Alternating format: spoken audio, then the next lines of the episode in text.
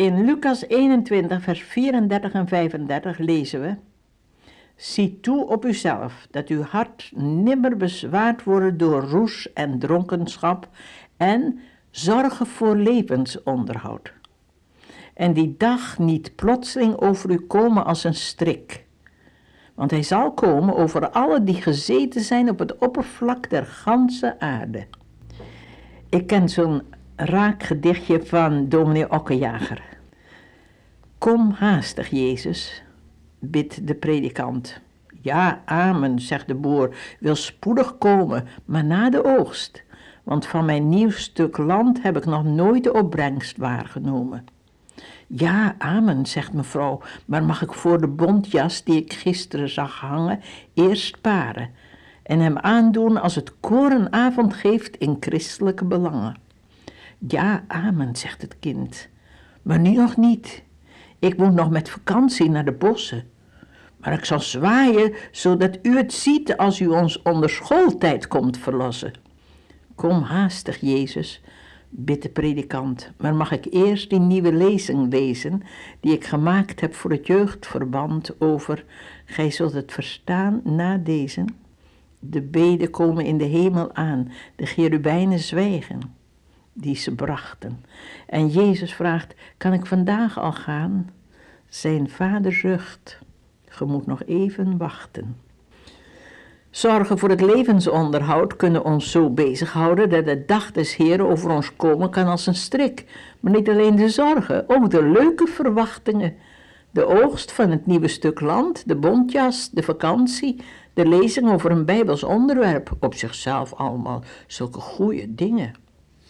Ik herinner me momenten tijdens de Wereldoorlog. Als op een ogenblik ons leven in direct gevaar was bij een bombardement of in de gevangenis, dan was het net of je ineens de dingen zag als het ware van Gods gezichtspunt. En je kreeg heel andere perspectieven, omdat je de dood en daardoor de eeuwigheid aanraakte. Je zag de kleine dingen klein, de grote dingen groot. Je zag alles in de juiste verhouding. Door het conflict in het nabije oosten raakte de dood de wereld aan. We weten nog niet waar het naartoe gaat. We hebben zelden met zoveel aandacht de profetieën van de Bijbel samen met de krant gelezen als in die dagen en nu ook. De Bijbel zegt: Als deze dingen beginnen te geschieden, zie op uw bevrijding nadert. Waak ten allen tijde, binnende dat geen staat mocht wezen te ontkomen aan alles wat geschieden zal en gesteld te worden voor het aangezicht van de Zoon des Mensen. Het kan nog wel een poos duren voor Jezus komt, maar het kan ook best gebeuren dat Hij heel gauw komt. Bent u klaar? Waak ten allen tijde, staat er, ook vandaag. Het heerlijke is dat we kunnen klaar zijn. U en ik en ieder die de Heer Jezus toebehoort. Het is een kwestie van volkomen overgave aan Hem die gezegd heeft: Kom tot mij en ik geef u rust. Ik ben met u altijd tot het eind der wereld. Hij heeft u en mij lief. En daardoor geloof ik vast dat Hij verlangt naar ons. Hij wil zelf ons bereid maken voor zijn komst. Is dat niet machtig? Het staat in 1 Korinthe 1 vers 8, hij zal u ook bevestigen ten einde toe, zodat gij onberispelijk zult zijn op de dag van onze Heer Jezus Christus. Hij, hij zal het doen. God is getrouw door wie ge zijt geroepen tot gemeenschap met zijn Zoon Jezus Christus onze Heer. En dan in 1 Thessalonicense 3 vers 13 staat er, en u doet de Heere toenemen en overvloedig worden in de liefde tot elkander en tot allen, zoals ook wij gezind zijn jegens u, om uw harten te versterken, zodat ze onberispelijk zijn in heiligheid voor onze God en Vader bij de komst van onze Heer Jezus met al zijn heiligen.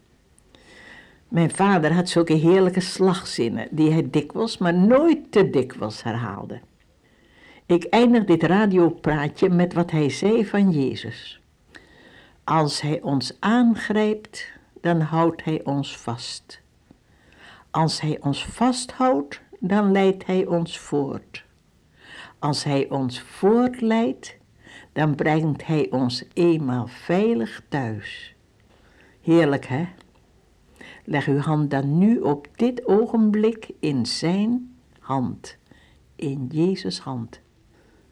Dank u, Heer Jezus, dat dit veel meer waar is en veel heerlijker dan dat ik het zeggen kan.